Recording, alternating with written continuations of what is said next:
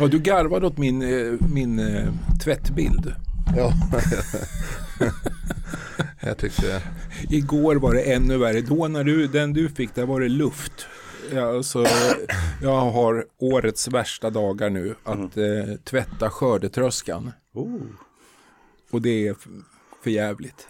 För då en, en hel dag först med kompressor och blåsa bort allt Men, men det här måste vi få berättat i, vad gör Alltså- du nu för tiden, Ja. avsnittet. Jaha.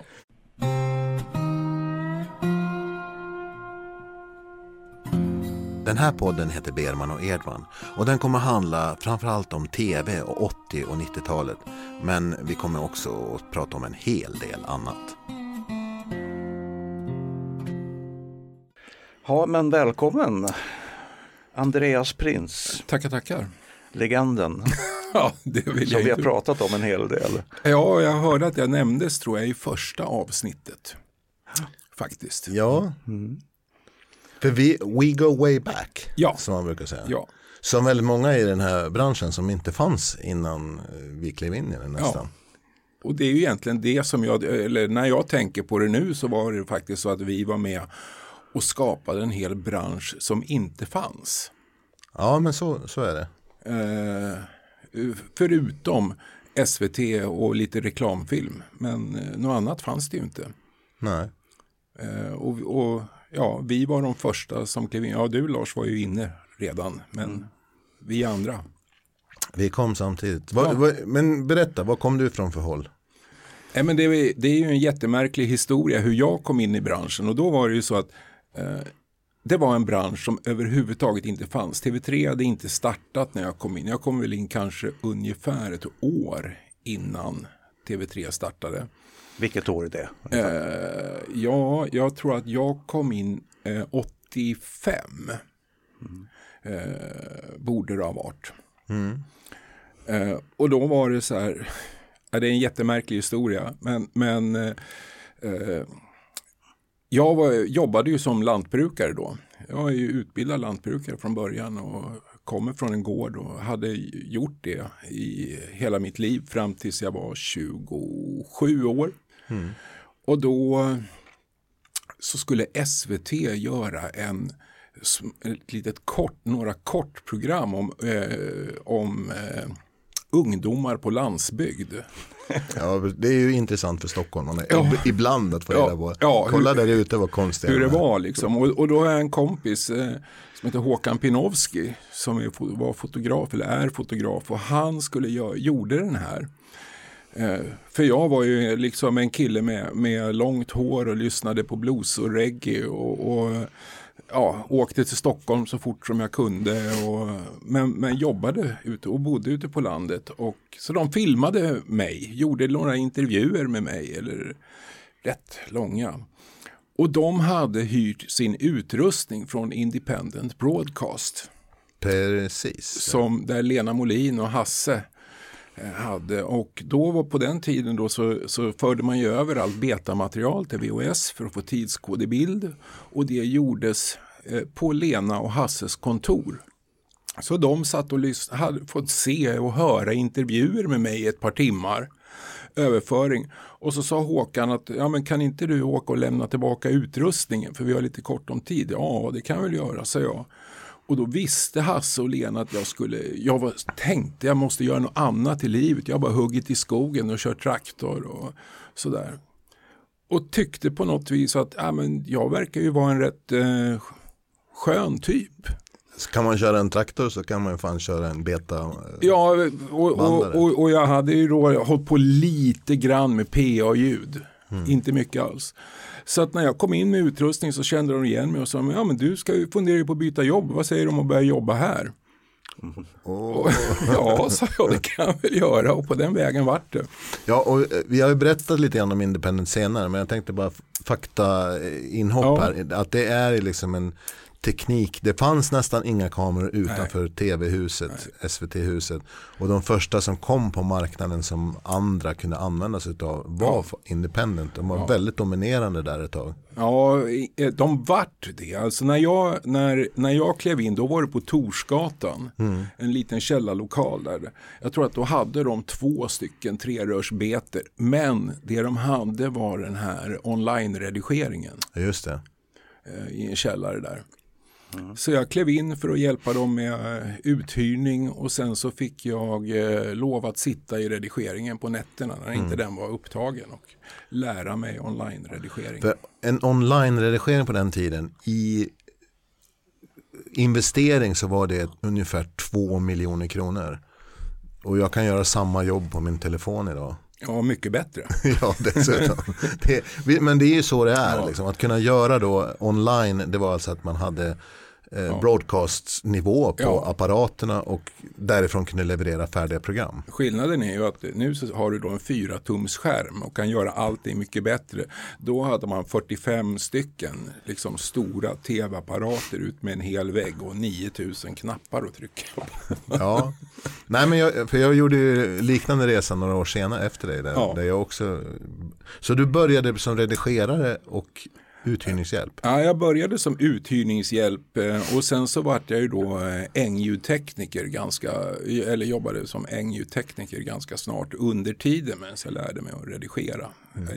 Eh, och, och, då handlar det ju om liksom att lära sig redigera. Jag har aldrig varit någon klippare. Nej. Jag har varit maskinist. För det är det man är i en online-redigering i stora drag.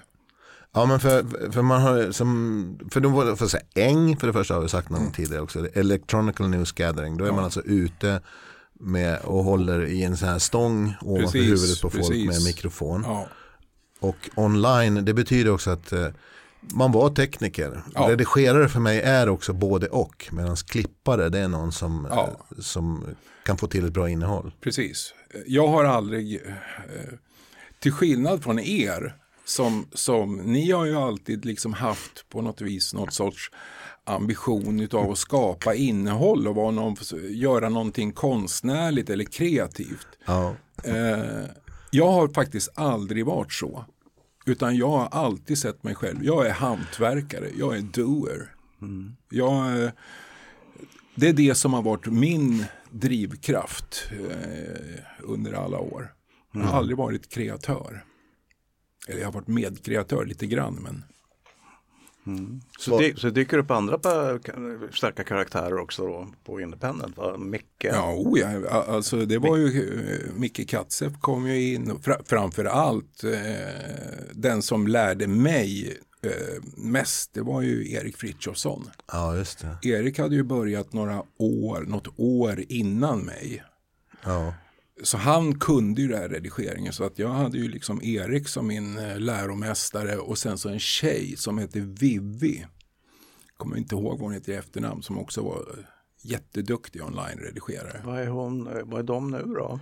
Erik, han? Erik ser jag då och då boendes i någon husbil i Portugal på ja, sex, månad, sex månader om året och, här, och sen så, vi, så bor han här i stan och gör, eh, ja, men gör lite musik. Han hade ju Stålfågel då på slutet på 70-talet och början på 80-talet, det här bandet. Eh, och nu gör han ny musik igen. Jag, måste bara, alltså jag får sån här noja att jag inte har satt igång inspelningen. Och jag är nästan hundra på det. Men jag måste, när man får den nojan ja, då, måste ja, då man måste, gå. Måste man Ett ögonblick. Ja. Stefan får en sån här attack av noja varje gång vi spelar in. alltså, ja, jag brukar klippa bort det för det mesta. Men... Ja, det rullade sig. Det rullar tydligen. Ja.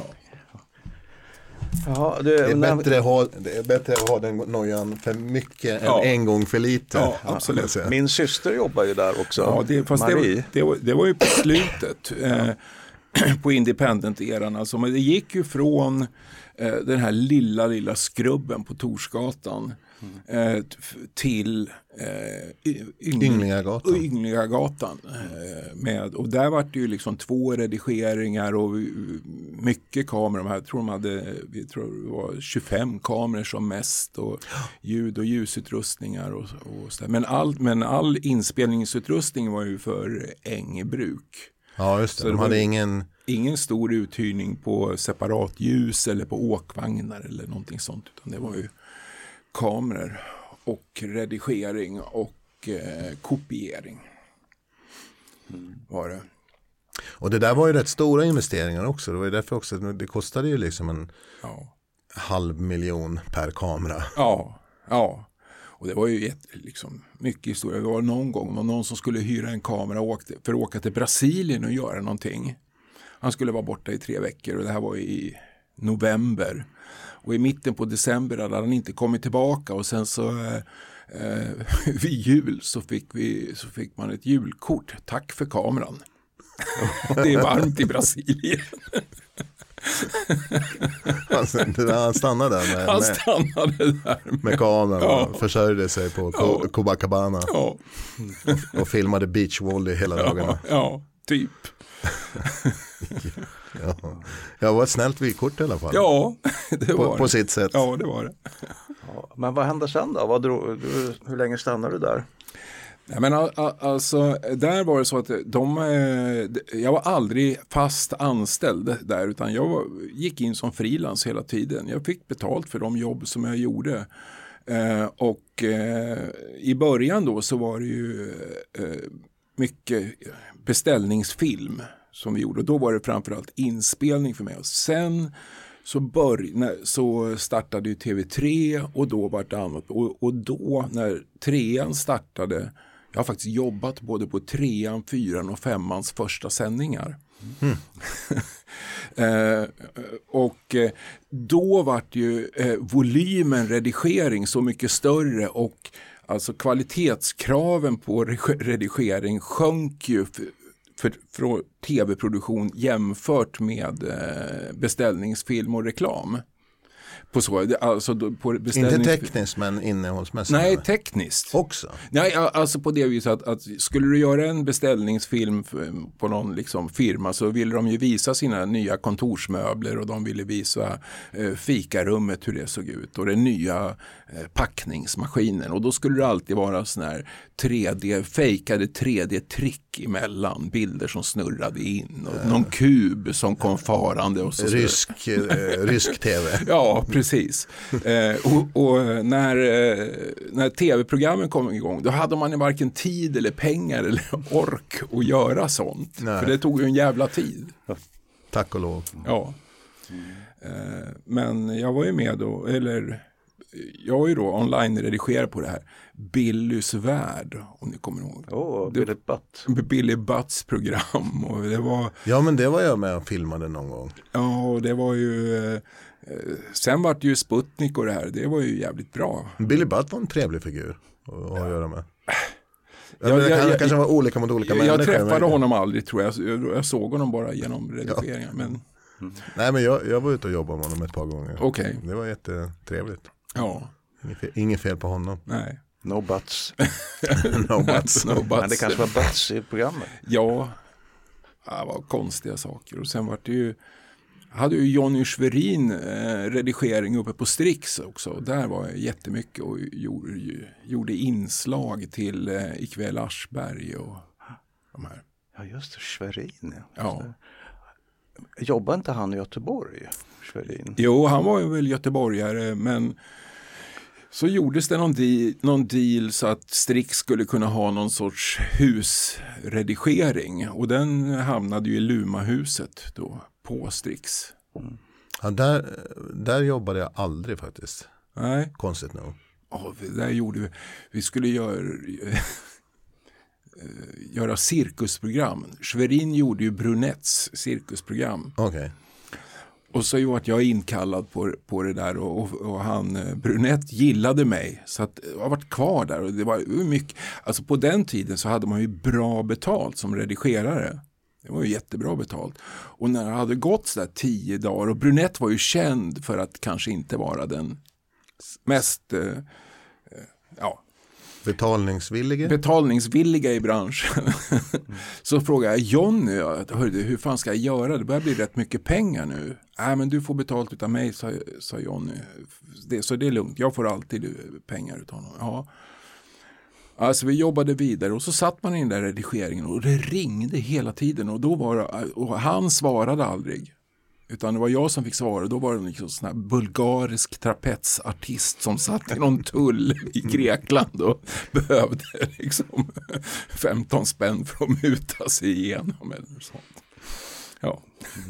Ja, och, och du var fortfarande inte nervös för pengarna? Då? Nej, men det, det, när, det, när det då hade gått en månad så frågade jag Henry, hur ska jag göra? Är det lugnt? Jag, dagen efter så kom han med en ICA-kasse. Oh. Ja, ja. Du, men Johners... Det där är preskriberat nu. Ja, det var alltså ja, ja, kolsvarta pengar i, i, en påse. Nej, jag fick, det enda gången jag har fått Handmade, då jag jobbade åt Al Jazeera tidigt. Uh, och hade dessutom ansvar för fyra till uh, fotografer. Okay. Och sen så på Sergels torg då, för det var någon stor iransk uh, demonstration och någon iransk kvinna som skulle vara oppositionell mot Iran. Ja, ja. Så hade de ställt upp ett litet tält, så var det, gick jag in, det stod fyra man med så här mörka glasögon och så fälldes det upp en så här attachéportfölj. Hur, mycket, hur många dollar var det? Det, det, var häftigt och det var typ liksom 25 000 kronor så det var rätt ja. spexat att ta emot mitt på Sergels torg också. Ja. I ovikta sedlar. Bengan Videll och jag, vi gjorde något jobb åt en eh, japansk tv-kanal. Som här, då var det samma sak. Mm. Vad trevligt. Ja. Ja, nej men, uh, jo, men bara, att se, och bara att se en sån här attachéportfölj full med dollar. Ja. Det måste vara liksom en och en halv, två miljoner i den jävla.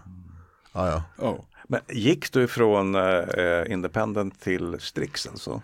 Nej, alltså jag var ju hela tiden frilans. Mm. Men Alltså det var så, eh, precis när det här startade, så var vi så väldigt, väldigt få som egentligen kunde.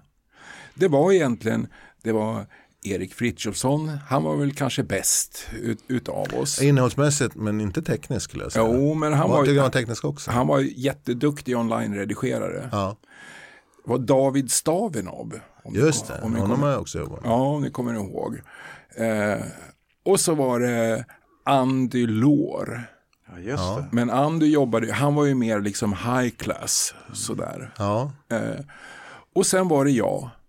Eh, och kanske några till, någon till i början. Så vi hade ju hur mycket jobb som helst. Vi kunde ju jobba dygnet runt med, med, och gjorde det också mm. med de här redigeringarna. Därför att det fanns nästan inga eh, ute på marknaden så att säga som, som kunde. Nej, de där redigerarna gick ju mer eller mindre dygnet, dygnet runt. runt ja. ja. för olika jobb. Liksom. Ja. Så, var det, så, så när man gick på där klockan sex på kvällen då avlöste man någon. Ja. Och sen så höll man på på två, två på natten och tänkte att nu går jag hem och släcker. Då, kom, då stod det någon där och knackade. Ja. Jag ska också in här så i fyra timmar. Stolen var varm och ja. knapparna var svettiga. Och det var bara att hoppa på. Liksom. Ja, och det var härligt för man fick röka i redigeringen på den tiden.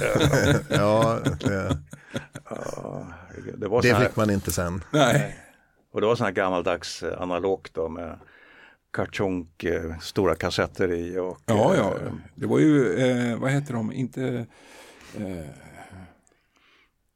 Umatic High och Low Band var det till att börja med och sen, så, och sen var det ju eh, trerörsbetena, alltså men med entumsmaskiner. Just det, mm. som mastermaskiner. Som mastermaskiner. Mm. Och en tim, tum kan jag också förklara för de som inte vet. Det är alltså en öppen Eh, en tum bred tejp som var liksom öppen, det var ingen kassett Nej, det såg ut som en rullbandspelare, alltså ja. som en sån här gammal tandberg ungefär.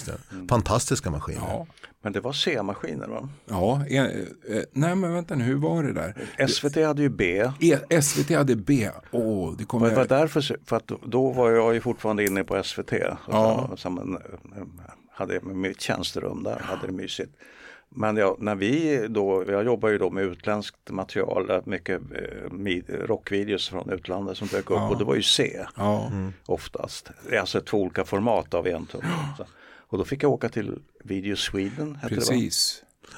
För en tum C hade vi. Det ja, det var en tum C. Jag vet jag skulle göra, jag, tro, jag tror också att det var ett svartjobb som han Per Grever Mm. Han var väl nyhetsjournalist eller ja. på, på, SVT kom någon, det var ett sånt här nattpass. Så jag antar att han kom med stulna band från SVT och vi skulle göra någonting. Men det var ju en tum B och han var så förbannad under för att eh, de hade ju, eh, all, alltså magnetskiktet var ju på olika sidor utav banden. En, okay. en tum C hade på insidan eller vad man nu ska säga och B hade på utsidan och han tyckte att men går det inte att vrida på bandet? Ja du. Ja, men att det, var, det, alltså, det var, ju, var det inte så att, på, att SVT hade bara en redigering som kunde ta C? Var det Mac, Mac ja, One? Ja, ja, jag tror det. Ja. Nu är vi väldigt inne på ja. nördigt, nörderi. Ja, men vi, man får nörda, det är det som är så roligt. Men i alla fall, det var... Jag blir lite nostalgisk när jag, de här maskinerna var väldigt fina på något ja, vis. Ja, och, fungerade väldigt, väldigt, väldigt bra. Var du på Video Sweden någon gång och tittade? Ja, oh ja, jag var där och jobbade några gånger.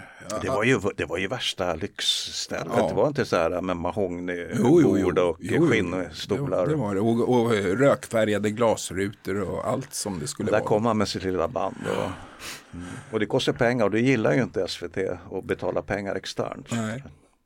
Nej. Nej men äh, alltså vi då som var frilansredigerare, vi vart ju ofta liksom, ringde de då från eh, det här Video Sweden eller ABC Newsfeed och eh, de ute i Solna fanns det något ställe också. Som, mm.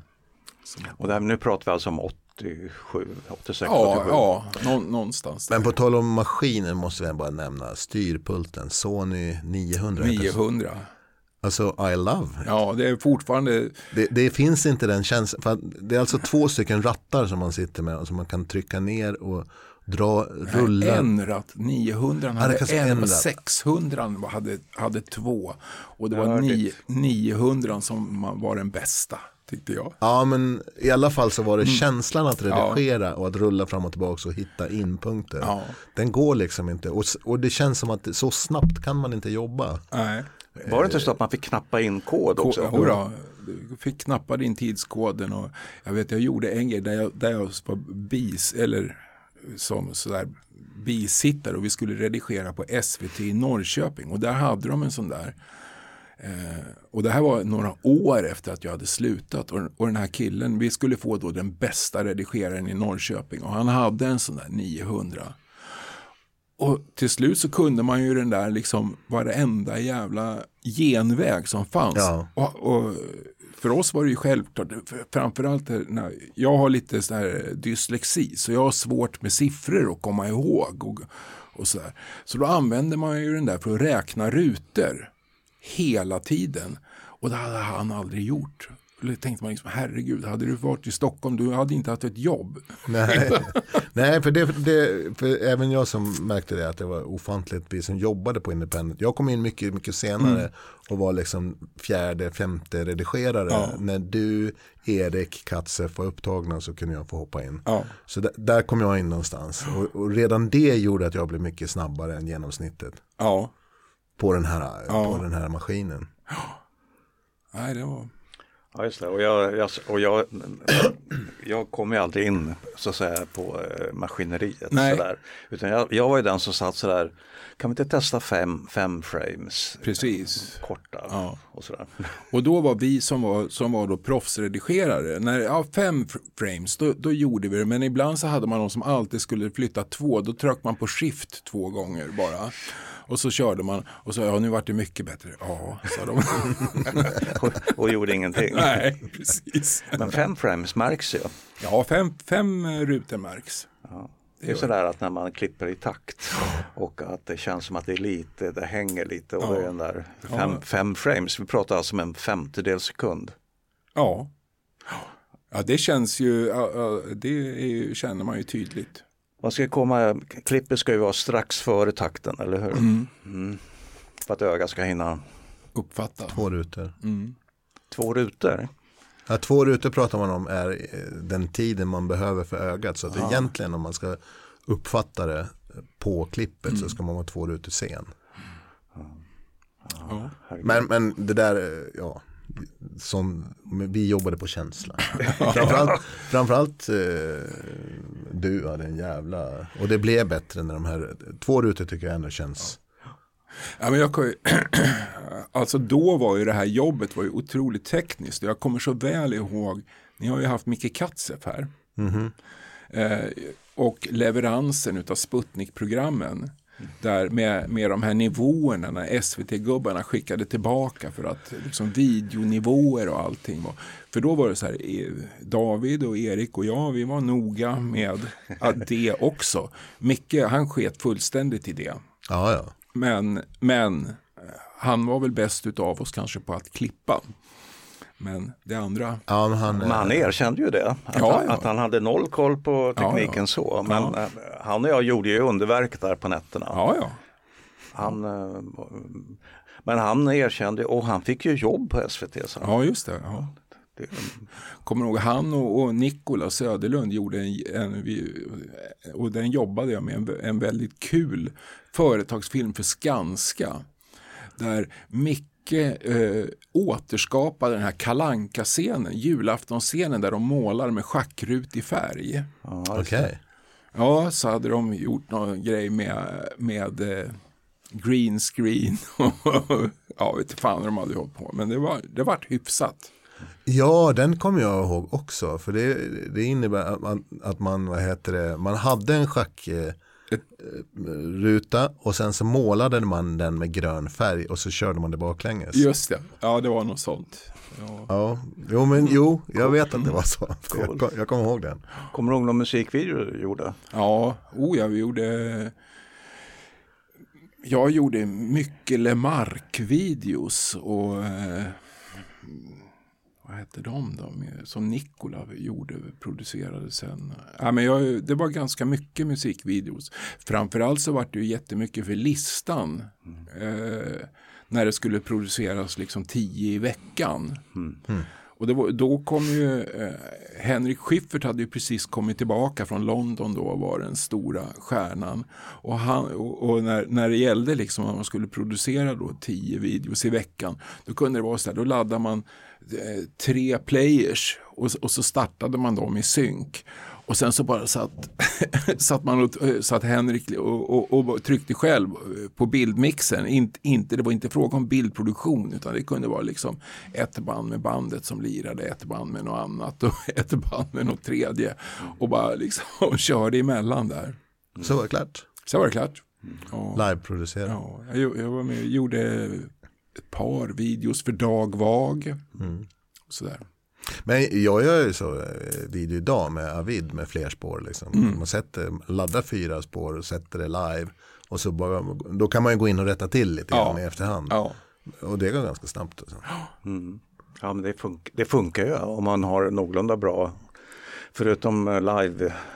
Jag körde ju två, tre tagningar med, med bandet. Mm. Och satt och klippte på det, ungefär som du nämner. Ja, ja, men, men, men ibland så men, blev det ju också en ofrivilligt bra effekt, liksom att man flyttar kameran. Så blev det så här häftigt sweep precis. I, precis. Så man får ju alltid tur också. Ja men då är det klart, har man tre tagningar med, med kanske eh, helbild, halvbild och, och instrument, då mm. kan man ju göra sådär. Ja, ja. Jag gjorde också ett par, tre i veckan. Ja.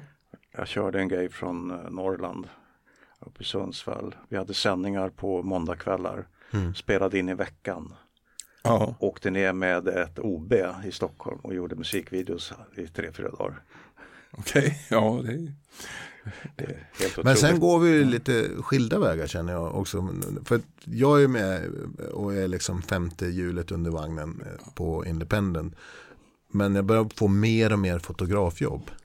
Ja. Och, och, för mig... och blir sen liksom fotograf i första hand. Ja. Och eh, för mig vart det så att jag vart mer och mer vad ska man säga, eh, teknisk projektledare. Jag var, jobbade mycket som studioman på en väldig massa produktioner. Och, eh, och varit liksom så här tekniskt projektledare eller vad man ska säga. Och, och, och då är det så att då, jag fattar inte riktigt hur det går till för jag själv, jag hatar teknik. Alltså jag, bara, jag bara hatar och jag har aldrig någonsin förstått det egentligen. Nej. Sådär på djupet. Men eh, alltså jag har haft eh, förmågan och turen att hitta de killarna som kan få liksom två sladdar och bli fyra. jo, men, jo men lite grann för jag hade Vi går ju lite parallella spår mm. där i den här teknisk eh, rådgivning till olika företag. Mm. Uh, och vi korsar varandra där. Mm. För att för mig blir det också så här, att, och jag vet inte om det är samma för dig, att jag är ju liksom tekniskt intresserad i och med att jag också börjat som redigerare. Då var man tvungen att vara tekniskt kunnig ja. vad det gäller liksom, och då lärde man ju upp sig på en massa signaler och så.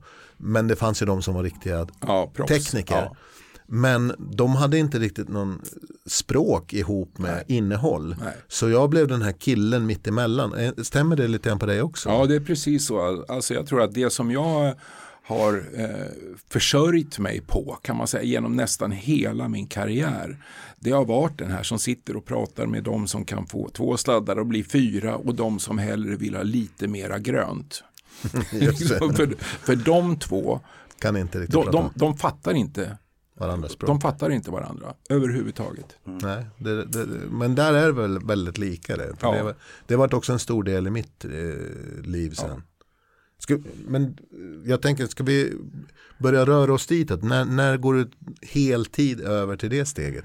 För studioman var du först. Ja. Du var på Jeopardy och i den svängen också. Ja, och alltså tidigare än, än så. Det var, nej, det var nog med Jeopardy som det började. Så att jag vart, vart ju liksom studioman och teknisk projektledare från andra säsongen på Jeopardy. Mm. Precis när det började ta fart. Liksom. Eh, och i och med det att, att igen så fanns det ju nästan inga utanför SVT som kunde det här. Så jag, så jag hade ju liksom hur mycket som helst att det var Eh, det var Jeopardy, det var Lingo, det var Stora famnen, det var Tur i kärlek, det var mm. Vem tar vem. Det var, Alla de där är jag med på. Är du studieman på de flesta? Ja, ja och även, så, även på Man och man. Ja. Oh. Och då var det så här, för men jag har ju var, du, var du med i Stockholm eller var du med i? Både och. Där både, nere också? Både och. Fan, där hade, det hade jag glömt att du var med där nere. Jodå. Berätta dina minnen från Spanien, man och man. ja, men det första var när Ragnar, vad hette han, Otnäs, eh, när han, bröt inte han foten och skulle hoppa, hoppa upp på en åsna. Norska programledaren. Norska programledaren. Gjorde han det för att han var full eller för att han skulle spelas in? Nej, full tror jag. Men vad var det han sa? Eh, eh, vi hade ju Pelle Lampa här för ett tag sedan och han sa att danskarna rökte gräs. Ja, det, det, det var de, de var de enda som rökte gräs va? Det skulle jag väl inte tro att, att de var. Och det fanns, eh, fanns annat där också vet jag när vi kom ner. Lusse och Henke och jag kom ner och så fanns det något vitt där på bordet. Nej men för, alltså för min minne av det här, du måste ja. ju, för jag var ändå liksom i andra hand ja. det här. Det var ju liksom att de som var skulle ordna för oss att ha OB-bussen på plats med el och alltså mm. så att det skulle funka. De hade ju inte levererat och som lite grann plåster på såren så la de liksom fram på sig kokain. Och så ja. här. Det här vill ju alla tv-team ha. Ja. Men det svenska tv-teamet var kanske inte så på det. Nej, en de, delar utav det kanske. Men, nej. nej. men det var inte så att allting var förlåtet. Nej, nej, nej, absolut inte. Men man kände att det var en stor del av tv-industrin där nere som inte riktigt motsvarade vad som fanns ja. i, i, Sverige i alla fall. Nej, men fram, alltså man och man skulle jag säga, det är nog ett av mina största bragdprojekt. Mm. För jag skulle säga att där hade jag verkligen en central del, att det där vart överhuvudtaget. Och eh, när bara det, när, ja, det är så mycket historia kring det där, när scenen skulle byggas upp i Sickla. Just det. Så var det den här inomhuspoolen. Och det snålades ju med budgeten förstås. Och man hade sagt att den här poolen då, eh, alltså det var ju för fan tusen kubik vatten i den här. Den var ju skitstor. Ja. Och det innebär att då är det ju liksom tusen ton i, i den där jävla poolen. Och Eh, då skulle brandkåren, eller vi fyll, den skulle fyllas ett par dagar innan första repdag, eller Just. produktionsdag. Och när den där var nästan full så började väggarna på poolen bara skjuta isär hela sättet. Så dit med brandkåren snabbt som helvete och pumpade ut vattnet så att inte hela lokalen skulle bli översvämmad ut på, på i Halva Sickla hade blivit översvämmad. Ja, eller någon gatubrunnar där. Och i, liksom borra fast den här scenografin och så på med, i med nytt vatten. Och då hann inte det värmas. Så kommer du ihåg Stefan, vem som var fotograf som stod där nere i den här poolen med torrdräkt? Uh, ja, den sista fotografen in var det i alla fall. Det, var ja. inte det kan ha varit Andreas Söderberg. Nej, det var det inte. Emil Larsson var med. Nej. Men han var bara med. Det här är säsong två nämligen. Okej. Okay. Nej, nej vi, det här är på är säsong, säsong ett. ett. Ah. Nej, jag, ah, jag minns inte, men, men, eh, ja, så men någon tapper var det, det var inte jag. Nej, det var no, nej, för du stod vid andra hörnet på poolen. Just det. Ja, det kommer jag ihåg. Kommer du ihåg det här enhållskameran och sången i den också? ja, just det. ja. Alltså, Man och Man var ju alltså en serie då som spelades in i Stockholm. Ja. Och så hade vi en vecka så vi spelade in eh, finalen i Torremolinos. Ja. Och vi, vi, är inne på 91. Ja, någonting, ja, någonting sånt. Jag kom, kommer inte ihåg åren där, men det var ju Madde som var producent och Lusse som var produktionsledare. Och eh, eh då hade eh, Lusse frågat, jag var studioman liksom och teknisk projektledare för det där. Då hade eh, Lusse frågat mig om hon hade en, en skön kompis om, som gärna skulle vilja gå, gå med och titta och det var Henke ah. från Sveiberg. Så att, eh, som sen blev studiomännens studioman. Som sen vart studiomännens studioman. Ja. Så att jag, han, Henke och jag kamperade där nere i, i Tormolinos. Eh, och jobbade där.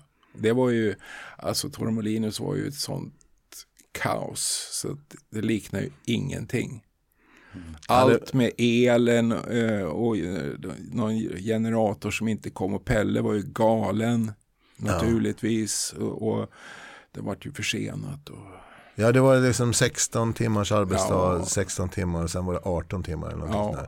Och det var ju sagt att det där ska vi bara spela in och resten får ni semester. Ja, ja. så ni behöver inte så mycket betalt. Fast ni är borta en vecka. Ja. det. Mm. det var en det var en, det var en resa. Nu har, ni, alltså, gud vad kul att du också, men nu har vi pratat så mycket om Man ja. Man. Ja, ja, ja, det finns ju en litet kort videoklipp som ligger på vår Facebookgrupp. Det finns inte, inte så himla mycket material som ligger Kanske ute. Inte alltså. Det kanske inte var så jävla bra program egentligen. Nej, det var det väl inte. Det var ju, det var ju ett riktigt sunkprogram. Men roligt som fan att jobba med. Ja, ja. Väldigt speciellt. Nej, det, var, det är roligt nu. Ja, men det var... Ett... 30, 30 år senare. Ja, eh, för att det var så kaosigt. Ja. Men, och, och, att jobba ihop med norrmän och danskar, ja, vilka är så liksom, då tänker man så här, ja men danskar de kommer väl liksom så här, nej danskar är halvtyskar, det är ja. fan med liksom ordning och reda ja. och, och, och liksom, men norrmännen kom in liksom en timme sent och sa Va? Är ni, är ni Erike på lunch? Så hade de käkat lunch och var lite små. Ja.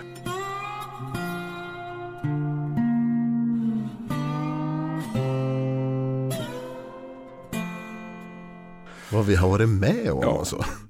Nej, men för, så för, efteråt var det kul, vi säger Ja, efteråt var det kul. Nej men så vart det så, vart det så liksom att jag varit eh, ofta liksom teknisk projektledare på, på olika eh, produktioner. Så att jag, som, som sagt, och jag tycker fortfarande att Jeopardy är, det är den bästa produktion som jag jobbat på i livet. Mm, det var helt underbart, det håller vi alla med jag säga. Och, och, och fram... Mycket tack vare Magnus. Ja, men eh, in, ja, absolut, absolut, det råder ingen tvekan om. Men det var det att hela det programmet var så otroligt välgjort. Mm. Alltså, det fanns aldrig ett fel i frågorna. Eva Schwarz hade också en stor del i att det var så Jätte, bra. Jättestor del. Mm. Och Stina och Malte Andreasson Malte. och Per Malmstedt. Per Malmstedt. ja, det var Dream Team som gjorde det. Ja, alltså. och, och Lars, Larsson och Kulan och, och ja. alla där. Men det var liksom så välgjort från allting ifrån frågor, casting, rubbet Eh, Logistik. Ja, ja, men hela det liksom. Det, och, och, när, man, när vi hade gjort fyra säsonger eller någonting sånt. Ja, men då, då var det ju till och med så att vi, vi, en del program spelade vi in helt i realtid. Det var sådär. Ja, ja, men det, Magiskt. Alltså, nej, men det gjorde vi redan första säsongen, för då vet jag också när vi, när vi, vi gjorde 200. Ja, 240 så, till och med. 240 gjorde vi den säsongen som jag var med på. Och då var det ju så när vi hade gjort liksom 160 program, då var vi riktigt jävla duktiga på det. Ja. Och då handlade det om, då hade vi först en tävling om att sluta på rutan ja. när. Inte ja. på sekunden Nej. utan på rutan när. Och det var, det var ju du som studieman som styrde lite grann det. Och, och, Magnus var med på det där och verkligen försökte sätta, vilket vi gjorde. Och sen när vi hade klarat det, kommer du ihåg vad vi gjorde då? Reklambreaket på rutan. I bandet rullade hela tiden. Ah.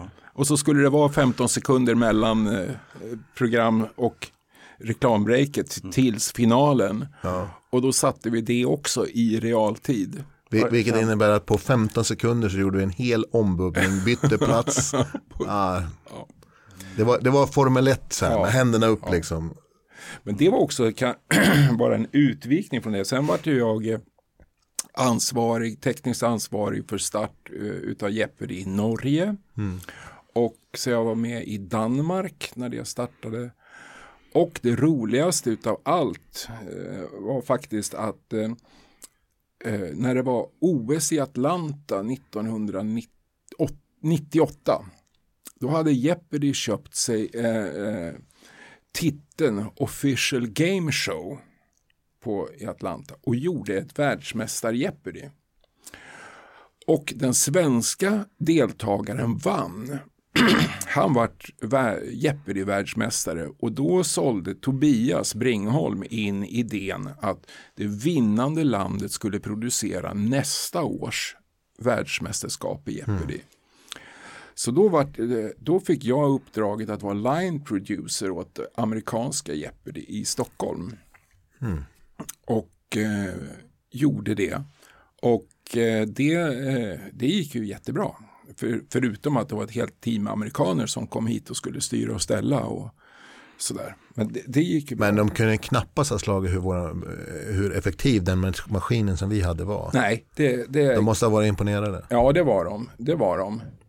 Men det resulterade i att, att jag under tio års tid har, fick göra, eller hjälpa dem att göra, de, de ju hade ju bildfrågor, de, i, eh, en kategori bildfrågor i varje program. Och då hade de någonting som heter Jeopardy Clue Crew. Alltså ett gäng som reste världen runt hela tiden och gjorde 8-12 sekunder långa grejer. Då var det liksom programledare eh, i närbild, Eiffeltornet i bakgrund. 386 meter högt torn i Paris. Ja. Och sen var det slut. Vad är det? Så att det gjorde jag i nästan tio år åt dem och det var, har varit på de mest eh, fantastiska det platser. Det låter som ett riktigt glassjobb alltså. Ja, ja, ja, i Ryssland var det inget glassjobb. Det var, Glasnostjobb? Ja, där var det. där Förlåt, var det, jag kan inte. Ja, där var det helvete. Men, men eh, alltså visst, det var ju askul. Man fick åka Orientexpressen och jag har varit och filmat inne i mockupen på Mir på ryska NASA och ja, sådär. Wow. Coolt. Men du, du sa Tobias i förbifarten innan. Ja. Vem var det? Eller är det? Ja, men Tobias skulle jag säga är Bring, Bringholm. Bringholm. Mm. Eh, det är en av de absoluta föregångsmännen i svensk tv-historia. Mm. han eh, ja, startade, eller, var, eller hade ju först MTV i Göteborg och sen, och sen så, så vart, eh, startade han Meter som, och byggde då Meter som sen vart Metronom, som sen vart Endemol, som sen vart det ena med det andra. Och, eh, han, eh, han var, ju, låg, var ju den som sålde in Jeopardy till, från början och det var, han har sålt in eh, Big Brother som har blivit liksom en jättegrej över eh, ja, han, han sålde in det i Sverige först och sen så vart det ett stor deal där, de, där vi levererade tekniken till Big Brother till alla SBS-kanaler i Europa.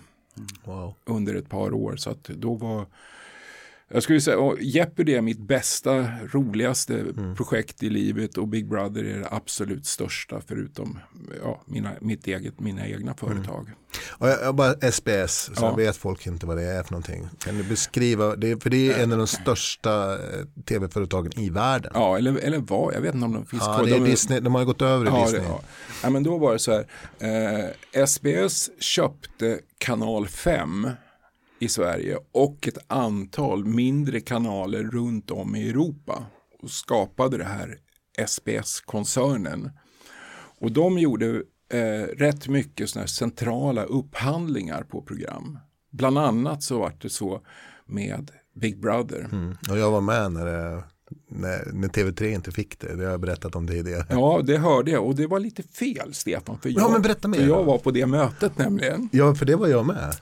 Ja, Berätta, min, din jag, hågkomst. Ja, det var så här. Jag fick ett eh, telefonsamtal på, på morgon. Kan du åka till, eh, till eh, Meter på möte klockan ett? Ja, det kan jag göra. Och eh, så telefonsamtal till. Kan du komma till brygg, eh, Gamla, Gamla Stans bryggeri. bryggeri klockan elva?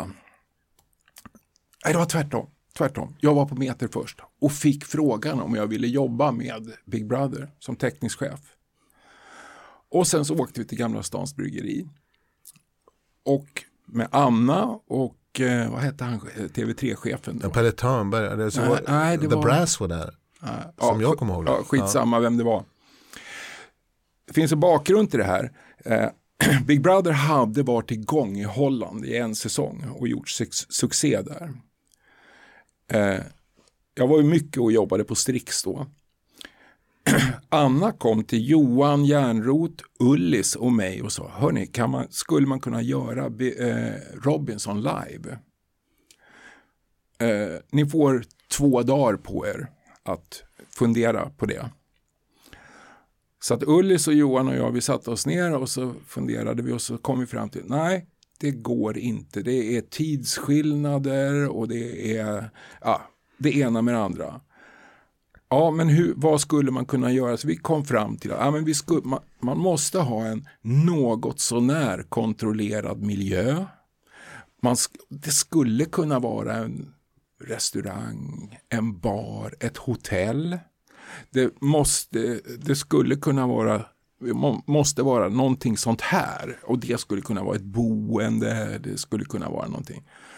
Och det här hade vi gjort då, Johan och Ullis och jag bara liksom ritat ihop ja, en, halv sida på förutsättningar som skulle behöva vara uppfyllda.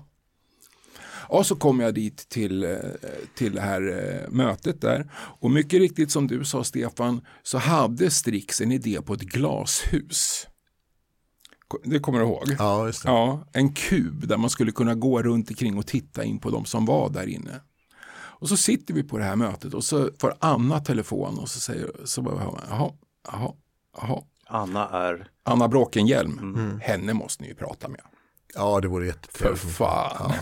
Alltså snacka om någon centralt människa i ja. Tobias Bringholm och hon är liksom helt ja. outstanding. Ja, i vilket fall som ja, och så, och så säger Anna till han TV3-killen, femman har köpt Big Brother, då har vi det här. Och då rev hon upp den här baren, precis. baren pappret. Och så, ja, precis. Och jag satt där och visste. då. Och, eh, men jag tackade ju nej till baren och gick till Big Brother. Ja men precis, men, men för att den här eh, biten om att eh, Stenbeck faktiskt ville göra en så här ja. Eh, Big Brother där ja. i Gamla Stans Bryggeri. Var det någonting som du känner igen? Nej, vi, vi, hade, alltså, vi hade inte en tanke på vad det där skulle kunna vara. Johan och Ullis och jag, vi satte bara upp liksom så här 15 punkter. Det här... ja, ja, men det här som blev baren sen ja.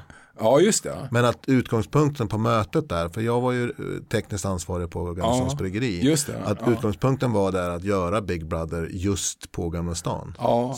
Eh, Gamla Stans bryggeri. Och att bygga ja. liksom ett boende så att man kunde i princip ja, det... titta inifrån restaurangen. Jaha, nej det, nej, så, så. Nej, men det kanske också var ja. mera förutsättningar som hade med baren att göra som, som jag kommer ihåg det. Ja. Ja men det är verkligen så här, som jag kommer ihåg det, ja. det är väldigt viktigt att komma ihåg. Ja, alltså, jag blir jättenyfiken när du säger att det var fel, men det här med att ni hade gjort, för vad heter han, Jocke Millgård, som sen Just. kom att stå som skapare. Just det. Uh, hade inte haft någonting med det här att göra då? Inte än. Jo, det kanske de hade haft för att hon hade väl något mer än våra anteckningar ja, och visar upp. Så att, ja. uh, så att uh, de hade väl bearbetat det där lite grann. Nej, jag tror att han så småningom formatiserade det ja, däremot ja, under gång. För ja. Vi skapade ju baren eh, egentligen under inspelning. Ja, och, och, det var ett gäng människor, Erik Frithiofsson var också med. Ja, och ja. Och ett gäng människor som var inne och tyckte och, och skruvade till ja. så att det blev bra. Ja, och, då, nej men, och då var det så här, det här var ju tidigt på våren som det här mötet var. Och då, jag visste det innan och eh, Anna hade väl fått nys om det att Big Brother skulle starta till hösten och då var villkoret att ni i baren skulle igång till våren. Det var därför ni fick så otroligt kort uppstart. Mm, precis. Och där, där vet jag, det här vet jag inte sen. För nu kommer den här biten som, undrar om du kommer ihåg det här eller om jag kommer ihåg det mm. rätt. Att jag fick faktiskt ta del av lite grann logistiken bakom hur man gjorde Big Brother. Ja, Ja men det var väl du och jag som pratade om det. Vi säkert. pratade om det ja. och det var väl inte kanske riktigt din Nej. grej att dela det till mig. Nej, men för vi gick en helt annan väg. Ja. Men det var väldigt, väldigt viktigt att kunna liksom säga Nej, men så här gör man på Big Brother ja, men vi ska göra så här. Liksom. och den stora grejen var ju, skillnaden var ju då att vi hade tillgång till den här Unity. Just det. Att, att vi hade en redigeringsserver som ja. kunde ta flera klienter som ja. gjorde att vi valde ett helt annat sätt att göra ja. än Big Brother. Men, eh, ja. men, jag, men, du, men tack så mycket, du hjälpte till där för att jag var ju inne på den andra sidan där och egentligen var inte ett sånt samarbete okej okay, tror jag. Men jag, jag var faktiskt eh, den första svensk som, fick, som såg ett, ett Big Brother-set på riktigt. Mm. Holländarna hade gjort det, så att där var det paus då. Men i Tyskland som var andra landet att producera, eh, de hade en eh, pågående produktion. Så att jag vart skickad till Tyskland för att titta på den här. Och nej, det kommer jag aldrig att glömma därför att innan, jag, jag fattar liksom inte, vad fan Big Brother, vad ska det vara för kul med det liksom? Ja. Vad är idén? Nej, jag, jag, jag, kan mycket väl beskriva idén, vet du vad det är? Det är laboratorie-tv. Man var inspirerade av den här, eh, vad heter det, NASA, eh, där man ja. satt in ett crew i ett år och se hur de skulle leva. Så det här var liksom, vi sätter in människor i ett hus, vi, vi ger dem ingenting eh, och så filmar vi av själva experimentet. Så det är experimentell ja, samlevnad det, från början. Och, och, och det är också flugan på väggen eh, ja. syndromet på riktigt. Jag kommer ihåg, jag kom till Tyskland. Jag skulle titta på det, jag fattade ingenting. Vad fan är det här? Och, ja, så kom till Big Brother-huset och så, fick jag, så gick jag in där och då är det ju mörklagda gångar eh, runt och så filmar man ju genom envägsglas. Och så gick jag i, de här, i den här gången eh, och kom förbi badrummet och stod, och stod och tittade in där. Så kommer det, det var inte ens en, inte ens en snygg tjej kom in en kille och ställer sig och borstar tänderna en decimeter framför mig. Ja, men jag bara kände det här kommer att funka jävlar i mig. Alltså. Ja. Det här är en bomb. Och det var det ju. Det var ju det. Ja. Ja, jättespännande också. Så vad gjordes det första huset någonstans? Det gjordes nere i, var det i Värtahamnen eller var det i Sickla-området? Sickla ja. eh, gjordes, det, gjordes det och det finns mycket historia kring det. Alltså. Med, Eh, det, Big Brother var ju det. Den historien jag kommer ihåg bäst. Men ta först. Ja, det, det, Big Brother var ju, eh, skulle ju bli, baren var, var ju likadan, lite grann likadant. Men Big Brother var den första produktion som skulle bli stor på internet. Mm. Och eh, det, vi letade location och det fanns, hittade och till slut så hittade vi det här nere i, i Sickla och byggde det här huset och det var amerikanska konsulter inne för ingen kunde ju någonting om internet då eller väldigt begränsat. Vad pratar vi om för år? 2001. 2001 ja. Mm. Våren, det är så nära då, våren 2001. Och Sickla en förort till Stockholm åt ja, eh, Nackahållet ja. kan man säga. Och det här var på, på våren och det här accelererade under sommaren och då åkte ju alla chefer på semester så jag hamnade på en jättemånga möten som inte jag hade någonting med att göra egentligen. Och alla de här mötena så, så var precis samma sak. stod en amerikansk konsult i snygg kostym vid en whiteboard och så sa han liksom internet, det vet ni vad det är? Ja, alla satt där. Ja, det, det vet vi vad det är. Ja, det är ju som ett moln kan man säga och så ritar han ett moln på whiteboarden och så kan man liksom koppla upp sig på molnet så kan man se. Ja, ja, ja. Alla visste ju precis vad det, det handlade om. och så räckte jag upp handen och sa, ja men hörni, eh, i min värld så är inte internet ett moln, det är kablar. Och där ni har valt att vi ska göra Big Brother, där finns inga kablar. Mm. Och det bara var dödstyst. liksom, mötet avslutade raskt i jättedålig stämning. Chef, någon, någon, chef kom och sa, men vad fan är du inte klok, så där kan du inte säga. Det fattar du väl? Jo. Ja men det är ju så. Ja, lös det, jag åker till Italien. Ja, precis. Den är bra. Och lösningen då, var att jag fick tag på en firma i Tyskland som gjorde fiber, eller då ringde jag först till alla, liksom, eh, alla leverantörer. Nej, det finns ingen fiber där, det finns ingenting. Eh, det kommer aldrig att gå. Det är liksom eh, nio månaders leveranstid.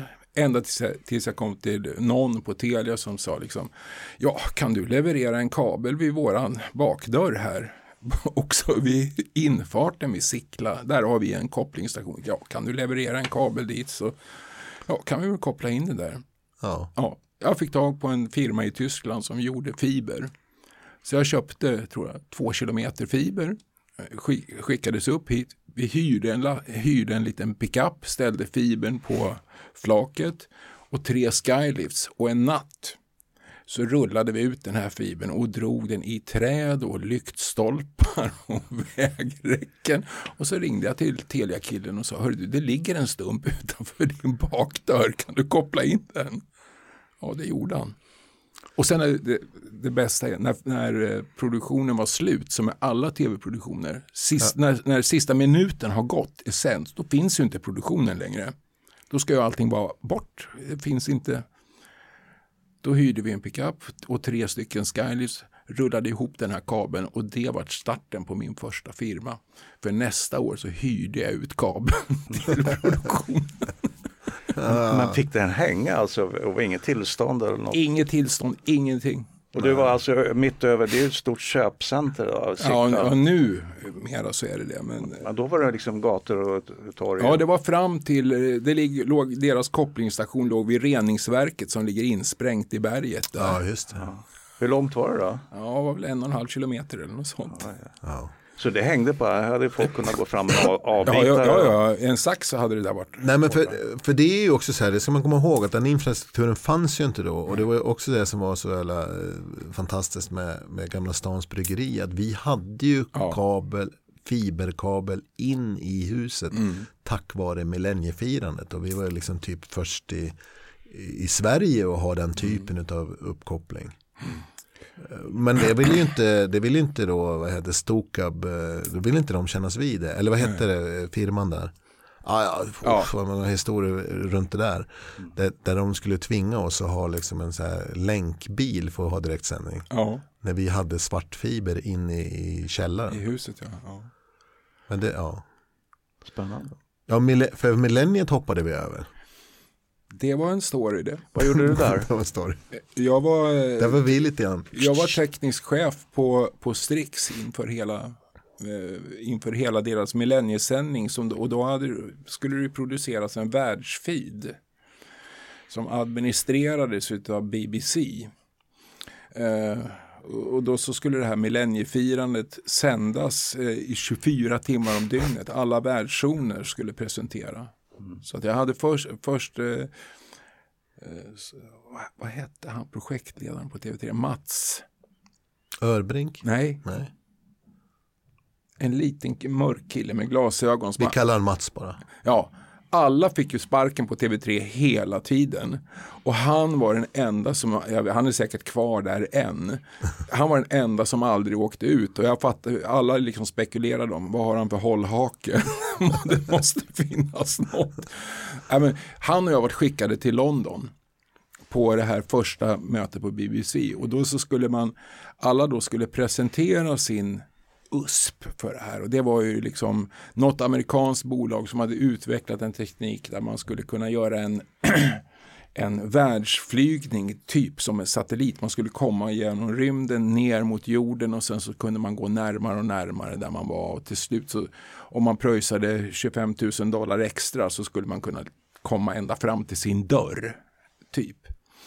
I, det här. Och I Frankrike så skulle man skicka Eiffeltornet med fyrverkeri upp i det nya eh, millenniet. Och... Pratar du om effekter? Eller? Ja, det var, det var det som man, för att få vara med så var man tvungen att ha. Och Sverige då hade en champagneflaska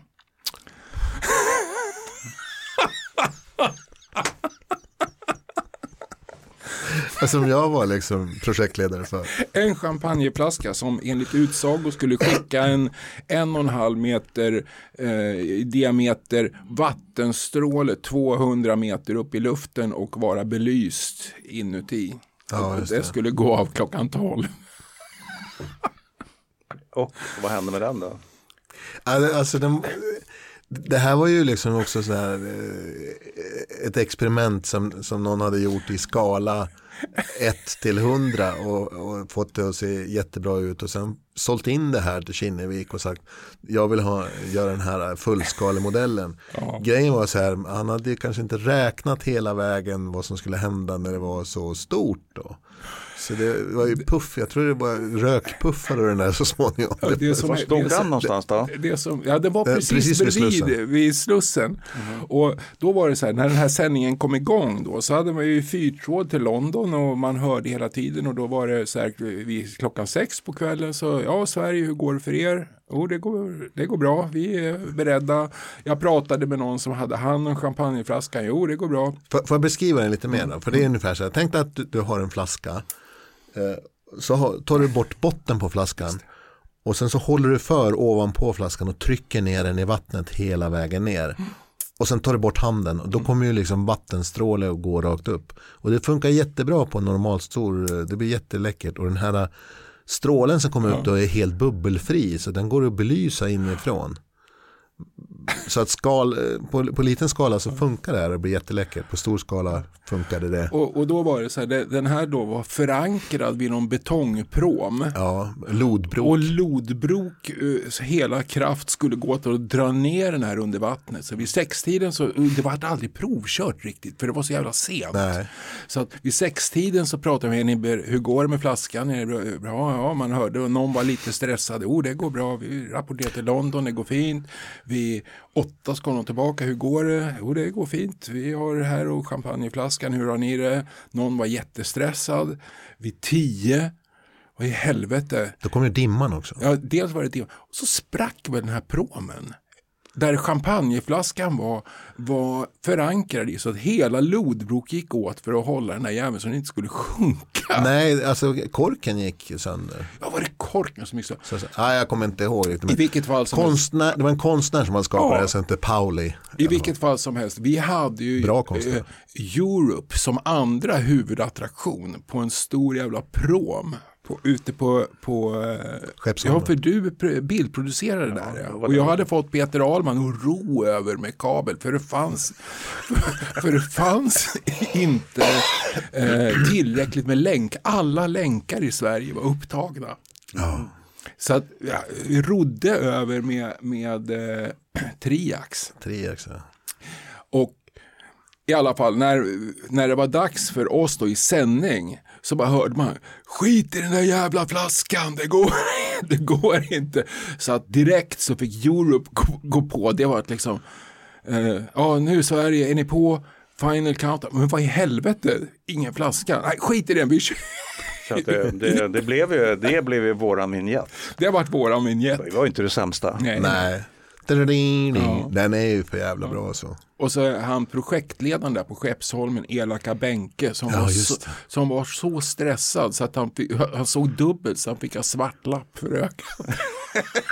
Men Bänke, vad hette han mer? Elaka Bänke. Nej, ja. men han var mer in, han var ju inte inom tv så mycket. Han var rock... Eh, projektledare ja, för scen ja. och bygga stora scener och stora ja, det, Ah, fan, jag älskar det, elaka Benke. Jag gillar honom som fan. Uh, fan vad kul alltså, ytterligare grejer som man kommer ihåg. Men var det inte så att, jag menar, det, det är ju 24, hur många tidszoner är det runt jorden? Det var 24 tidszoner och då sändes det från uh, ja, alla tidszoner. Så man visade tolvslaget till varje tidszon? Ja. ja. ja. Vet, vet du Lars, jag har en idé här, för det här är ju som fucking inte ens halva din karriär. Kommer vi verkligen kunna vi måste bjuda in en gång till Andreas. Ja, ja men det gör vi jättegärna. Men jag, jag har en fråga ja. som jag sitter här och håller på. Ja. Det är ja. därför jag inte pratar så jävla mycket utan då får Stefan och du mm. lägga upp texten.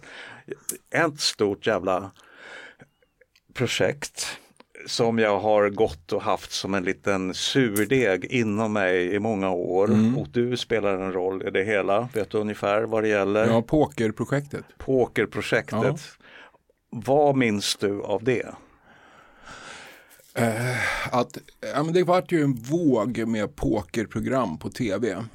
Och eh, eh, Johan och jag hade då startat eh, vårt gemensamma företag Stream Company. Johan? Eh, Eriksson, en mm. skåning. Mm. Eh, och vi gjorde då, eh, vi gjorde nästan alla de här ring in-programmen på tv. Så dagtidsprogrammen. Just. Hela Call TV-svängen. Hon som spydde bild och den, Jajamensan. den det, grejen. Det var hos oss det. det var hos oss det.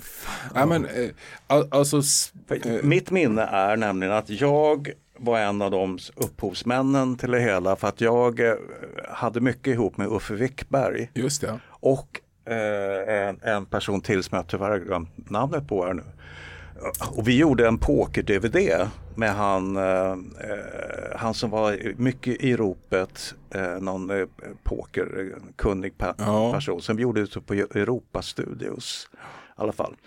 Men tanken som jag var med och väckte var att vi skulle skapa en stor pokertävling och vi skrev ett ganska bra, eh, en, eh, vad kallas det för, en presentation. Och den hamnade, och du kom in i det hela också.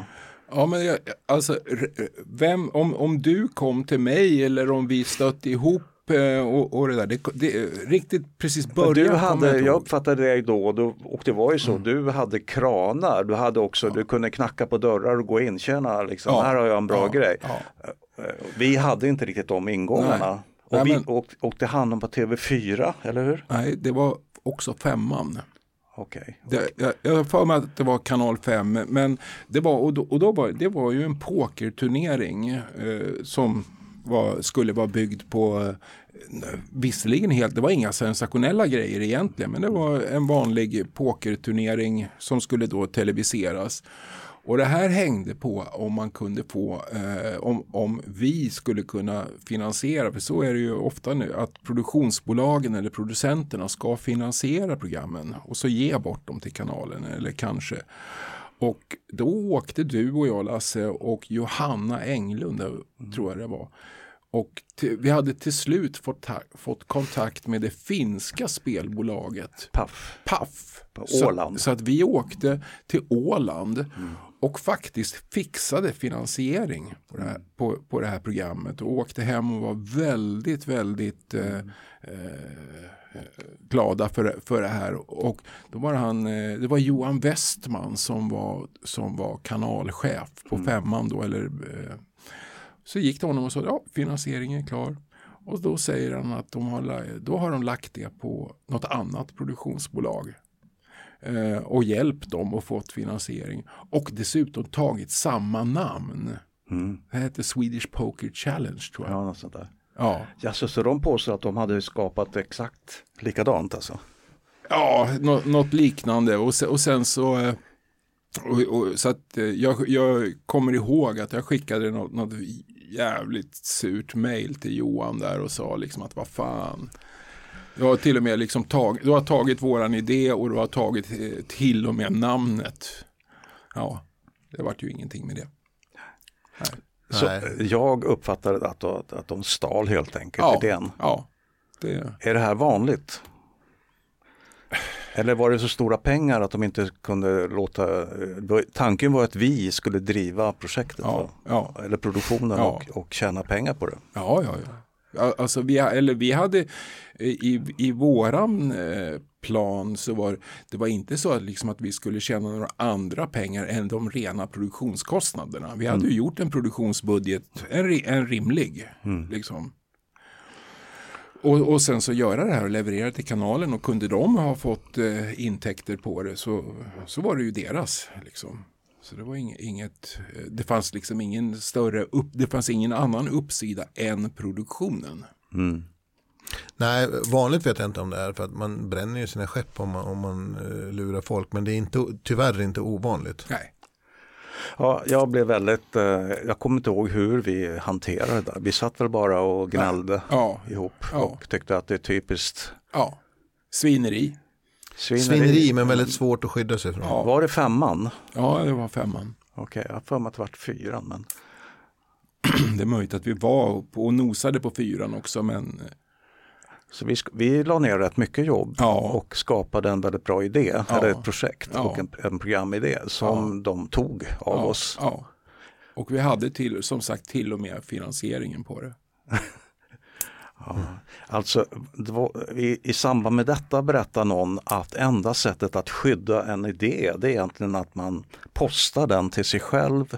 Ja. Uh, så att det finns no, någon, någon slags eh, något dokument som säger att det här har jag kommit på för x antal månader sedan ja. och här är beviset. Just det. Men vi gjorde inte så. Nej. Hade det kunnat hjälpt? Troligtvis inte. Nej. Hade det här varit i USA, hade, vad hade hänt då? Ja, då kanske man hade kunnat gått eh, någon lång juridisk väg. Vid inspelad färdig pilot någonstans där går gränsen ändå. Där har man någon slags möjlighet att stå emot. Ja. Men, man, men det hundraprocentiga är liksom att man har sänt. Ja, Nej, det är jättesnabbt. Men även om man har sänt så kan man sno idén fast man kan inte sno namnet. Nej. Ja, jag har kvar det här prospektet. Okej. Okay. Väldigt snyggt. Ja, det tror jag. Men vi la ner mycket jobb på det. Ja. Åh, oh, herregud. Men eh, kära vänner, du tar ut snusen nu. Eh, börjar det bli dags att runda av för idag? För jag tror att det här, alltså jag har jättemycket mera att, att, att prata och fråga om. Ja, jag, det gick lite mollton här på slutet då. För att jag tycker, jag, faktiskt, det, det tar jag alltid fram, liksom att ja, ja, talang kommer man långt med i det här landet och så vidare. Men, men de skäl av en om, och eh, Ja. Lars, jag känner inte igen dig som bitter ändå. Ja, men jag känner mig lite bitter faktiskt. Ja, då, och, och, om det är så att vi ska runda lite så, så kan jag bara säga liksom att som lite positivt avslut att, att jag måste säga att jag tycker att jag har haft otroligt kul yrkesliv. Jag har haft ett jättebra yrkesliv. Uh, det är och, samma här. Uh, jag skulle absolut inte vilja göra om det. Absolut inte. Hur kommer det sig att du, eh, du har lämnat det här nu? Ja, men jag är ju pensionär eh, numera. Eller men jag sålde eh, min firma, eller Torkils och min firma. Vi sålde våran firma för eh, ett antal år sedan. Och eh, då bestämde jag mig för att jag ska flytta tillbaka till landet. Så att jag har flyttat hem till, till vår familjegård. Till grävskopan, traktorn. Ja, och eh, jag kör traktor nu igen. Och Okej, det är cirkeln, cirkeln är sluten. Ja, jag, jag, är så nöjd med det. Och då, nej men då, bara, då kan jag säga liksom att jag tror att, att den största, min största tillgång, som sagt, jag har aldrig varit kreatör, jag är ingen tekniker. Liksom, det är det Jag är doer. Och det har jag alltid varit. Och det har med min lantbruksbakgrund att göra. Ja. Att, eh, jag menar, finns det inte en spik, då får man ta något annat. Det kanske inte är det bästa, inte det smidigaste sättet, men jobbet blir gjort mm. när det ska. Och det har liksom varit min devis genom åren. Ja, precis. Och också att, jobba med säkerhet som många som tekniskt annars chansar rätt så friskt. Ja, annars. så att mina lösningar har säkert tekniskt in, hållbara. inte alltid varit billigaste, enklaste, smidigaste. Men, men hållbara. Men funkat i tid. Saknar du ändå inte livet, detta livet lite? Jag saknar människorna. Eller, men jag tycker, tycker också att det finns en, och det är en otrolig skillnad på branschen. Eller vad som är den, egentligen den största skillnaden i hela branschen från när, jag start, när, vi, när vi alla startade. Då var tv-produktion den var idédriven. Det fanns en, hos cheferna, hos alla liksom produktionsbolagschefer och så, här, så fanns det en idé om att vi ska göra någonting som är kul, vi ska göra någonting som är bra. Och det här ekonomiska, det får komma sen. I, i förhoppningsvis så går det bra, eh, och, men det får komma sen. Sen var det ett skifte någonstans, jag skulle säga kring 2000-2001. När det var liksom bolagiserat. Mm. Eh, och cheferna både på eh, produktionsbolag och tv-kanaler och så där, hade man känslan av, de hade lika gärna kunnat sälja tvättmedel eller, ja. eller eh, betong eller vad fan som helst. För det, för det som räknades var längst ner på Excel-arket. Mm. Mm. Ja men också så här, Kinna som jag jobbade med. Ja hon var hon, hon, ju bra. Hon, Kinna Belander som ja. sen blev, som var hög chef inom Kinnevik och, och, som, hade, som jag hade att göra med runt millenniet och så. Uh, hon förklarade för mig också att det här, Stefan du missuppfattar det här att tv är inte att vi befinner oss i nöjesbranschen, det vill säga vi säljer inte nöje till konsumenter. Nej. Vi säljer tittare till, till. tittarköpare. Mm. Uh, det är våran business. Mm. Uh, och, och det blev skiftet här runt, det var att de som var liksom drivande för att få in pengarna fick mer och mer att säga till om. Mm. Uh, och då handlar det liksom inte om att vara innovativ eller spännande utan det gällde att leverera tittare ja. till reklamköpare. Mm. Jag tycker det var en väldigt bra formulering hur du sam sammade upp det hela. Ja. Att, att den stora förändringen jag har ju, och jag, jag förpestar ju tillvaron för mina yngre familjemedlemmar och, om att hur det var. Jag kom in på Gunnar Arvidssons kontor, chefen på, i Sundsvall och han säger bra idé, behöver du pengar? Den hade man ju velat vara med om. Ja, det, och, och, det var före min tid. Och även när jag jobbade inom eh, SVT-huset, när man kom med en bra idé så fick man en budget. Och så fick man en projektledare. Och sen gjorde man program. Mm. Och idag så är de där varenda jävla minut. Eh, ekonomerna eh, och även på SVT och mm. kollar hur långt har ni kommit? Har ni levt upp till till projektbeskrivningen har ni och mycket sådana här eh, punkter i, i produktionen ja. där man ska stämma av. Ja. Och det fanns ju inte då. Nej. Utan, åh, kul program, kan du göra några fler? Och, det finns hur mycket till att prata om som helst. Herregud, ja, jag vet. Vi tackar så mycket för idag. Tack. Tack så mycket, välkommen tillbaka. Och, och bara en fråga, får jag lägga ut den här bilden på hur du ser ut när du har tvättat eh, skördetröskeln? ja, det går bra. Så vet vi vad vi håller på med idag.